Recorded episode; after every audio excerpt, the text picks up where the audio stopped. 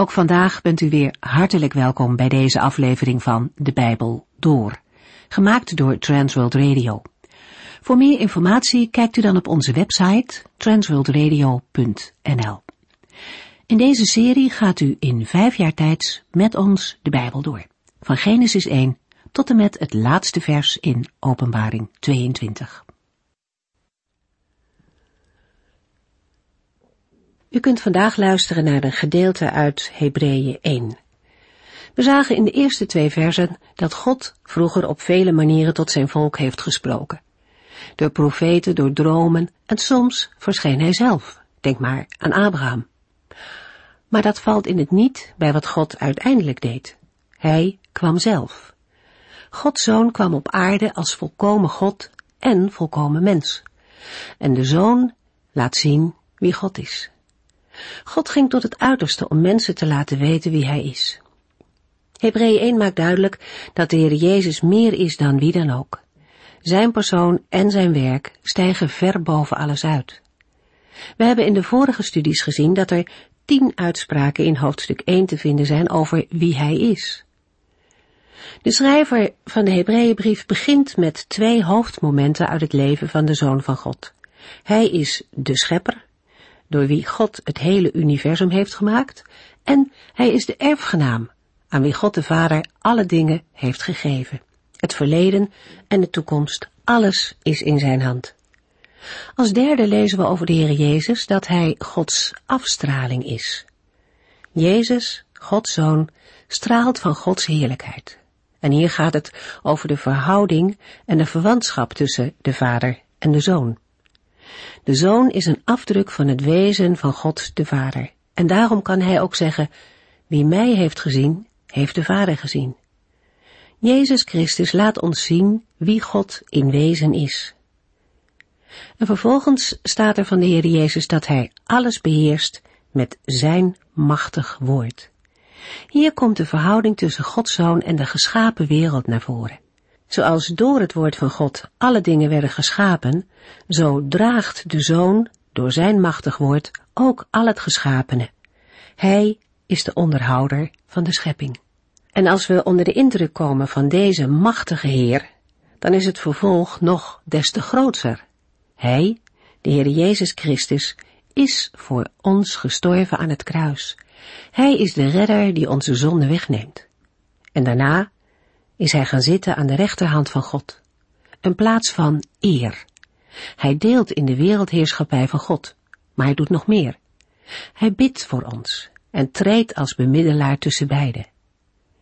Later in de brief komt dit aspect uitgebreider aan de orde. Nu lezen we eerst verder in Hebreeën 1. In de vorige uitzending zagen we dat de Heer Jezus Christus de volkomen openbaring van God is. Een mens kan geen duidelijker beeld van God krijgen dan door naar de Heer Jezus te kijken. Hij is God die volkomen mens is geworden. In Hebreeën 1 worden tien uitspraken gedaan die het groter, belangrijker en betere van Jezus Christus onderstrepen. In hoofdstuk 1 lezen we dat Jezus is, 1. de erfgenaam, aan wie hij alles heeft gegeven. 2 de schepper, door wie hij de wereld heeft gemaakt. 3. Gods afstraling. Gods zoon straalt van Gods heerlijkheid. 4. Hij is God. Uit alles blijkt dat hij in wezen God is. 5. Hij beheerst alles met zijn machtig woord. 6. De redder. Hij heeft al onze zonden uitgewist. 7. De koning op zijn troon aan de rechterhand van God. 8. Door door God verwekte, jij bent mijn zoon. 9. De door God gezalfde, met meer blijdschap overgoten. 10. Here voor eeuwig, aan uw bestaan komt geen einde. In de vorige uitzendingen hebben we de nummers 1 tot en met 7 besproken. Nu vervolgen we met de nummers 7 tot en met 10. In vers 3 lazen we, Gods Zoon straalt van Gods heerlijkheid, en uit alles wat hij is en doet, blijkt dat hij in wezen God is. Hij beheerst alles met zijn machtig woord. Door voor ons te sterven, heeft hij ons gereinigd en al onze zonden uitgewist. Daarna is hij gaan zitten aan de rechterhand van de Almachtige God in de hemel. De bijzondere verhouding tussen de Zoon, de Vader en de wereld wordt in vers 3 verder uitgewerkt. Het eerste versdeel schrijft over de verhouding tussen de Zoon en God de Vader. De Zoon is de afstraling van zijn heerlijkheid en de afdruk van zijn wezen. Met het woord afstraling wordt zowel de zelfstandigheid, de verwantschap en gelijksoortigheid van de heerlijkheid van de Zoon met die van de Vader uitgedrukt. Het is er als het ware een afdruk van. De Zoon is een afdruk van het wezen van de Vader. Dezelfde gedachte vinden we ook op andere plaatsen in de Bijbel. In het vervolg van vers 3 wordt gesproken over de verhouding tussen de Zoon, de wereld en de mensheid. Zoals door het woord van God alle dingen werden geschapen, zo draagt de Zoon door zijn machtig woord al het geschapene.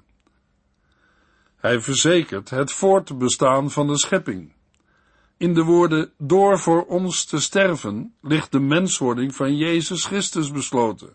Hij kwam op aarde tot verzoening van onze zonden en heeft ons met zijn offer gereinigd van alle ongerechtigheden. Toen zijn werk op aarde was volbracht, is hij opgestaan uit de dood en heeft hij plaats genomen aan de rechterhand van God de Vader, op de troon in de hemel. Nu regeert hij deze wereld samen met de Vader en de Heilige Geest. De drie-enige God onderhoudt actief de hele schepping. Daarna is hij gaan zitten aan de rechterhand van de Almachtige God in de hemel.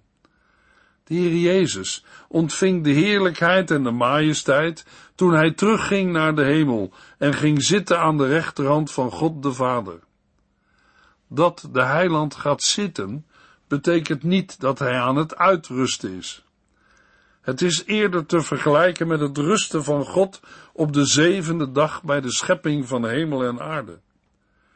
Over het werk van Christus in de hemel hebben we in de vorige uitzending al gesproken. Christus heeft een bediening van middelaar tussen God en mensen. Hij is ook de goede herder die voor zijn kudde zorgt. Hij is degene die voor hen bidt en voor hen opkomt bij de Vader. Luisteraar, bij hem kunt u terecht met al uw worstelingen. Als we hem vragen voor ons tussen beiden te komen, zal hij handelen naar zijn wil en zo dat het voor ons het beste is. Dat wil niet zeggen dat wij daar direct mee instemmen, of dat wij ook zien dat het de beste weg voor ons is. Gebed is er niet om de Heere over te halen iets te doen wat hij niet van plan was. Wij kunnen niet van de heiland verwachten dat hij ons dingen geeft die voor ons niet goed zijn. Het betekent ook dat wij het met de weg waarop de Heere u, jou en mij leidt, eens moeten worden. Zijn weg is zeker de beste, maar kan wel eens heel anders zijn dan wij in gedachten hebben. De wegen van de Heere zijn voor ons mensen niet altijd te doorgronden, maar wij weten zeker dat Hij het beste met u, jou en mij voor heeft. Christus zit aan de rechterhand van de Vader, altijd levend om voor ons tussen beiden te komen. We kunnen barmhartigheid verkrijgen en genade vinden om in tijden van nood te helpen. Want Jezus leeft dat kun je van andere grondleggers van wereldgodsdiensten niet zeggen. Gods zoon straalt van Gods heerlijkheid en uit alles wat hij is en doet blijkt dat hij in wezen God is. Hij beheerst alles met zijn machtig woord. Door voor ons te sterven heeft hij ons gereinigd en al onze zonden uitgewist. Daarna is hij gaan zitten aan de rechterhand van de Almachtige God in de hemel. Hij gaf zichzelf voor ons en vergoot zijn kostbare bloed, opdat u, jij en ik mogen leven tot eer van de drie-enige God. Hebreeën 1 vers 4 Zo is hij groter en belangrijker geworden dan de engelen, wat ook blijkt uit de prachtige naam die zijn vader hem heeft gegeven, Zoon van God. Jezus Christus, de Zoon van God, die tijdens zijn leven en lijden op aarde voor een korte tijd beneden de engelen was gesteld, werd na zijn opstanding ver boven hen verheven. Waarom Christus een korte tijd beneden de engelen was gesteld, lezen we in Hebreeën 2 vers 9.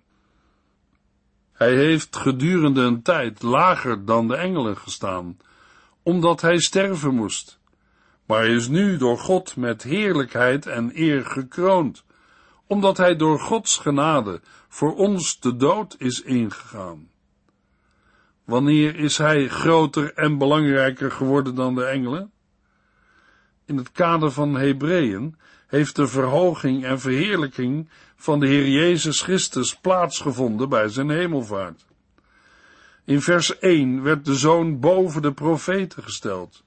Nu komt de verhouding tussen Christus en de engelen aan de orde. In Gelaten 3 vers 19 lezen we dat de wet tot stand was gekomen door bemiddeling van engelen. Waarvoor dient de wet dan? Die is later ingevoerd om duidelijk te maken dat er zonde is. De wet zou alleen maar gelden zolang de nakomeling er nog niet was, die God beloofd had. God heeft de wet door engelen aan Mozes gegeven voor het Joodse volk. De wet werd door de meeste Israëlieten gezien als belangrijker dan de geschriften van de profeten. Daarom wordt aan de belangrijkheid van Jezus Christus boven de engelen veel aandacht besteed. Bovendien hechten verschillende Joodse secten belang aan het kennen en erkennen van een bepaalde hiërarchie van engelen, onder andere de Essenen en de Joodse gnostici te Kolosse. De prachtige naam die Christus als erfdeel heeft ontvangen en die belangrijker is dan de namen van de engelen, moet in ons tekstverband wel de naam Zoon van God zijn. Namelijk de Zoon die de wereldheerschappij ontvangt. In Efeziërs 1, vers 21 en 22 lezen we, Nu is hij hoog verheven boven elk gezag, elke macht, kracht en regering, boven alles waarvoor men respect heeft, niet alleen in deze wereld, maar ook in de wereld die komt. God heeft letterlijk alles aan Christus onderworpen en hem als hoofd aangesteld over alles, voor de gemeente. In een ander verband moeten we denken aan de titel Curios, wat Heren betekent. In Filippenzen 2 vers 9 tot en met 11 wordt het als volgt verwoord. Daarom heeft God hem de hoogste plaats en de allerhoogste titel gegeven, zodat in de naam van Jezus iedereen in de hemel, op aarde en onder de aarde, zijn knieën zal buigen en tot eer van God de Vader openlijk zal erkennen, Jezus Christus is de Heere. Ik denk ook aan de benamingen van Christus die we in Openbaring 19 vers 11 tot en met 16 lezen. Ik zag dat de hemel geopend was en plotseling zag ik een wit paard. Hij die erop zat, heet trouw en oprechtheid. In zijn oordeel en in de strijd is hij rechtvaardig. Zijn ogen zijn als laaiend vuur en op zijn hoofd draagt hij vele kronen. Hij zelf is de enige die de naam kent die op hem geschreven is. Het kleed dat hij draagt is in bloed gedrenkt. De naam waarmee hij wordt aangesproken is Woord van God. De hemelse legers volgen hem op witte paarden. Ze hebben kleren van zuiver wit lin aan. Uit zijn mond komt een scherp zwaard, waarmee hij de vijandige volken zal neerslaan. Hij zal hen met een ijzeren staf regeren en hen vertrappen in de wijnpers van de grimmige toorn van de Almachtige God. Op zijn kleed en op zijn dij staat deze naam, koning over alle koningen en heer over alle heren.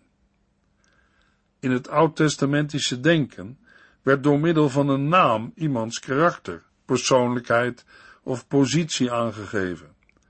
De woorden, zo is hij groter en belangrijker geworden dan de engelen, legt vooral de nadruk op het blijvende gevolg van deze naamgeving door de Heer. Zijn heerschappij geldt voor al het geschapene. Jezus Christus was ook voor zijn hemelvaart al de Zoon van God, zelfs voor de schepping. Maar de status of positie van het zoonschap wordt in zijn verhoging volmaakt vervuld. Voor de zin, de prachtige naam die zijn vader hem heeft gegeven, lezen we in andere vertalingen, hij heeft een uitnemender naam boven hen geërfd.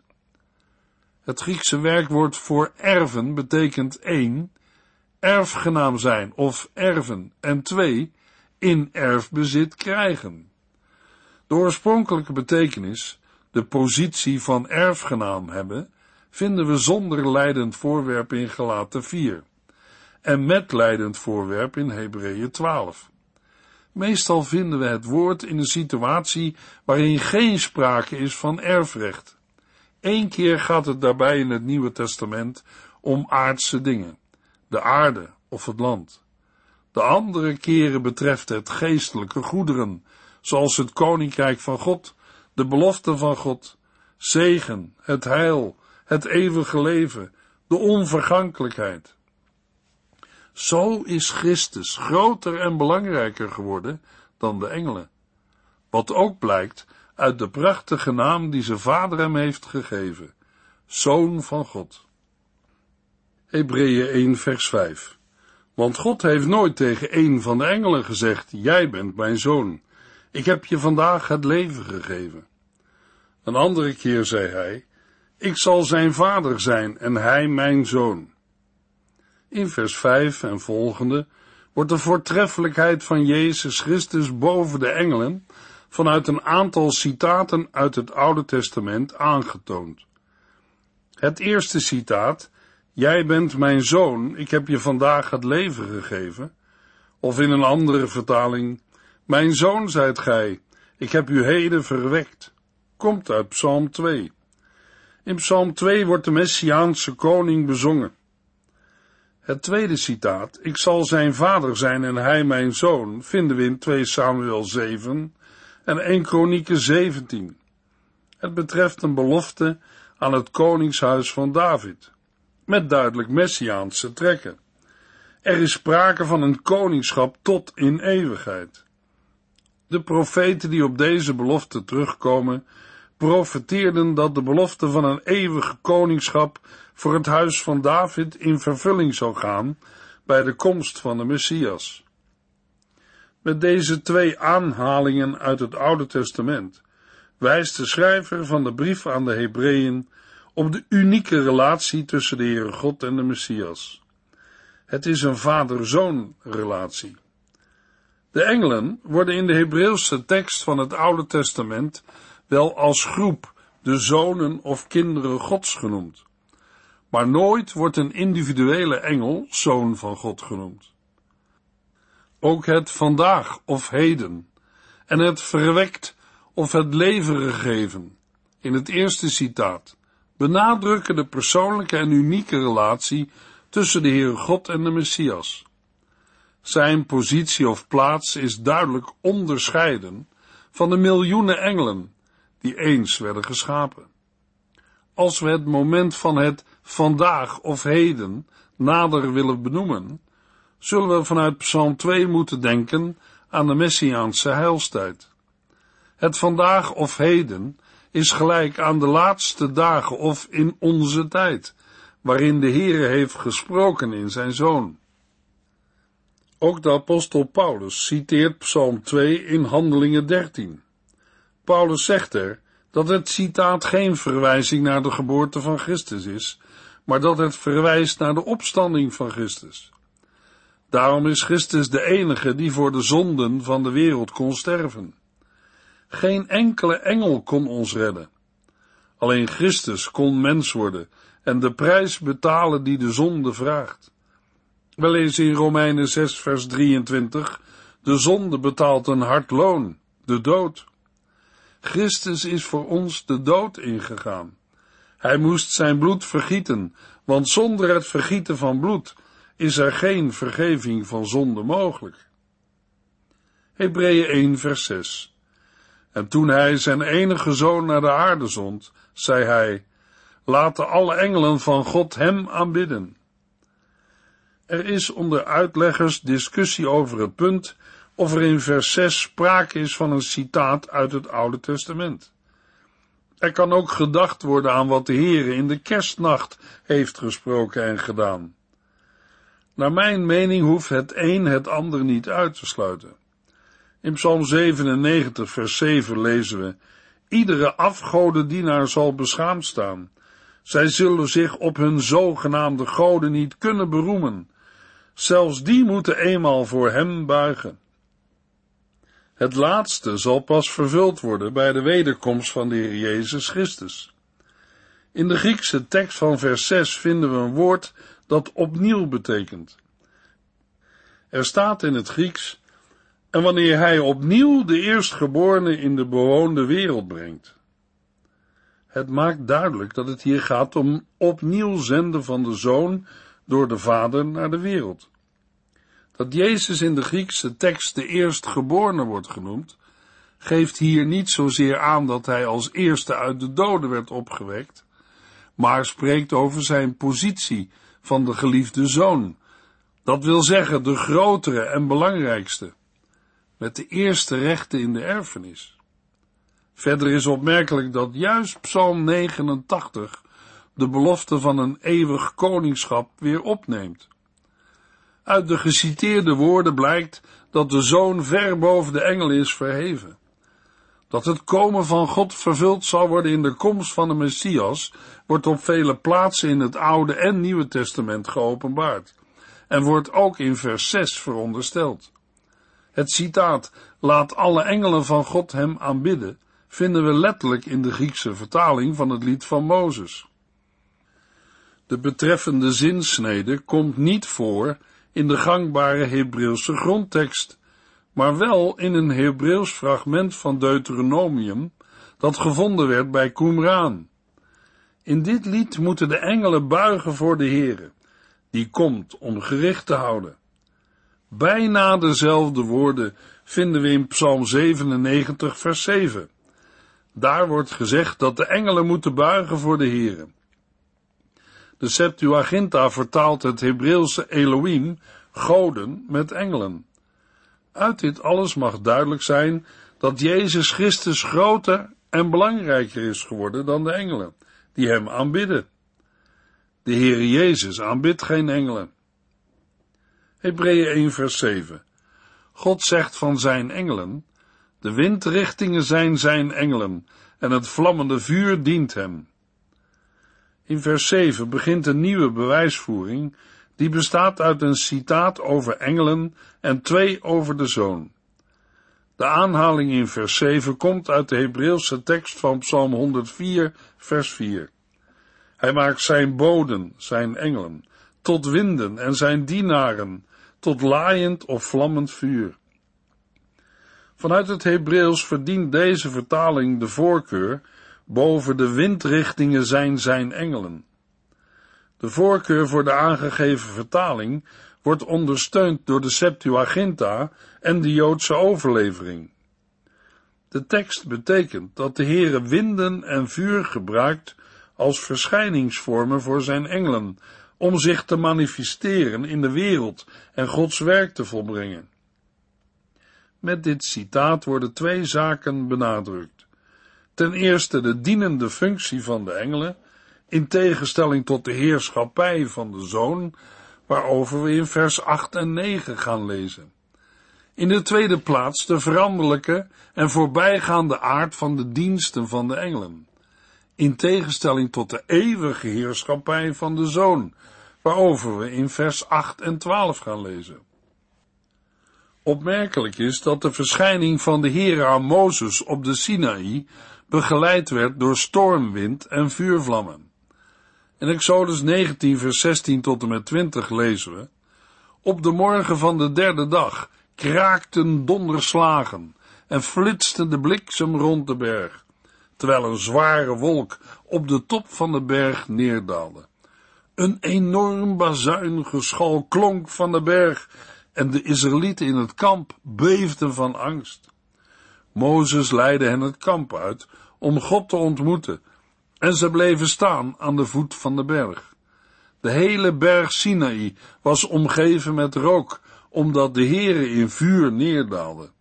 De rook steeg omhoog als uit een oven en de berg trilde ervan. Het bazuingeschal werd luider en luider. Mozes sprak en God antwoordde hem in de donder. Toen daalde de Heere neer op de berg. Hij riep Mozes naar de top van de berg en Mozes klom omhoog.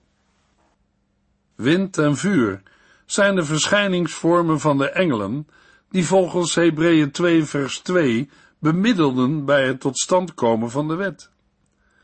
In Hebreeën 12, waar de schrijver van Hebreeën benadrukt dat Gods liefde ook blijkt uit zijn opvoedkundige terechtwijzingen en correcties, lezen we in vers 18 tot en met 21 u bent niet oog in oog komen te staan met iets ontzettends, met laaiend vuur, diepe duisternis en gierende wind, zoals de Israëlieten in de tijd van Mozes, toen God op de berg Sinaï zijn wet gaf. U hebt ook geen luid trompetgeschal gehoord of de donderende stem van God. De Israëlieten werden daar zo bang van, dat zij God vroegen niets meer tegen hen te zeggen. Zij trilden van angst omdat God had gezegd, zelfs een dier dat de berg aanraakt zal worden gestenigd. Mozes was zo ontzet door wat hij zag en hoorde, dat hij zei, ik ben zo bang dat ik sta te trillen op mijn benen. Luisteraar, hoeveel ontzag en eerbied hebben wij voor de Heere God? In de volgende uitzending lezen we verder in Hebreeën 1. U heeft geluisterd naar De Bijbel Door, in het Nederlands vertaald en bewerkt door Transworld Radio. Een programma waarin we in vijf jaar tijd de hele Bijbel doorgaan. Als u wilt reageren op deze uitzending of u heeft vragen, dan kunt u contact met ons opnemen. Tijdens kantooruren kunt u bellen op 0342 478432 0342 478432 32. Ook kunt u een e-mail sturen naar de Bijbel transworldradio.nl en natuurlijk kunt u ook via de post ons bereiken. TWR, postbus 371, postcode 3770, AJ in Barneveld. Dit programma werd gepresenteerd door Cor Weda en Ike André. Techniek was in handen van Odin van Voorkom. En wij allemaal bedanken u voor het luisteren. Graag tot de volgende keer.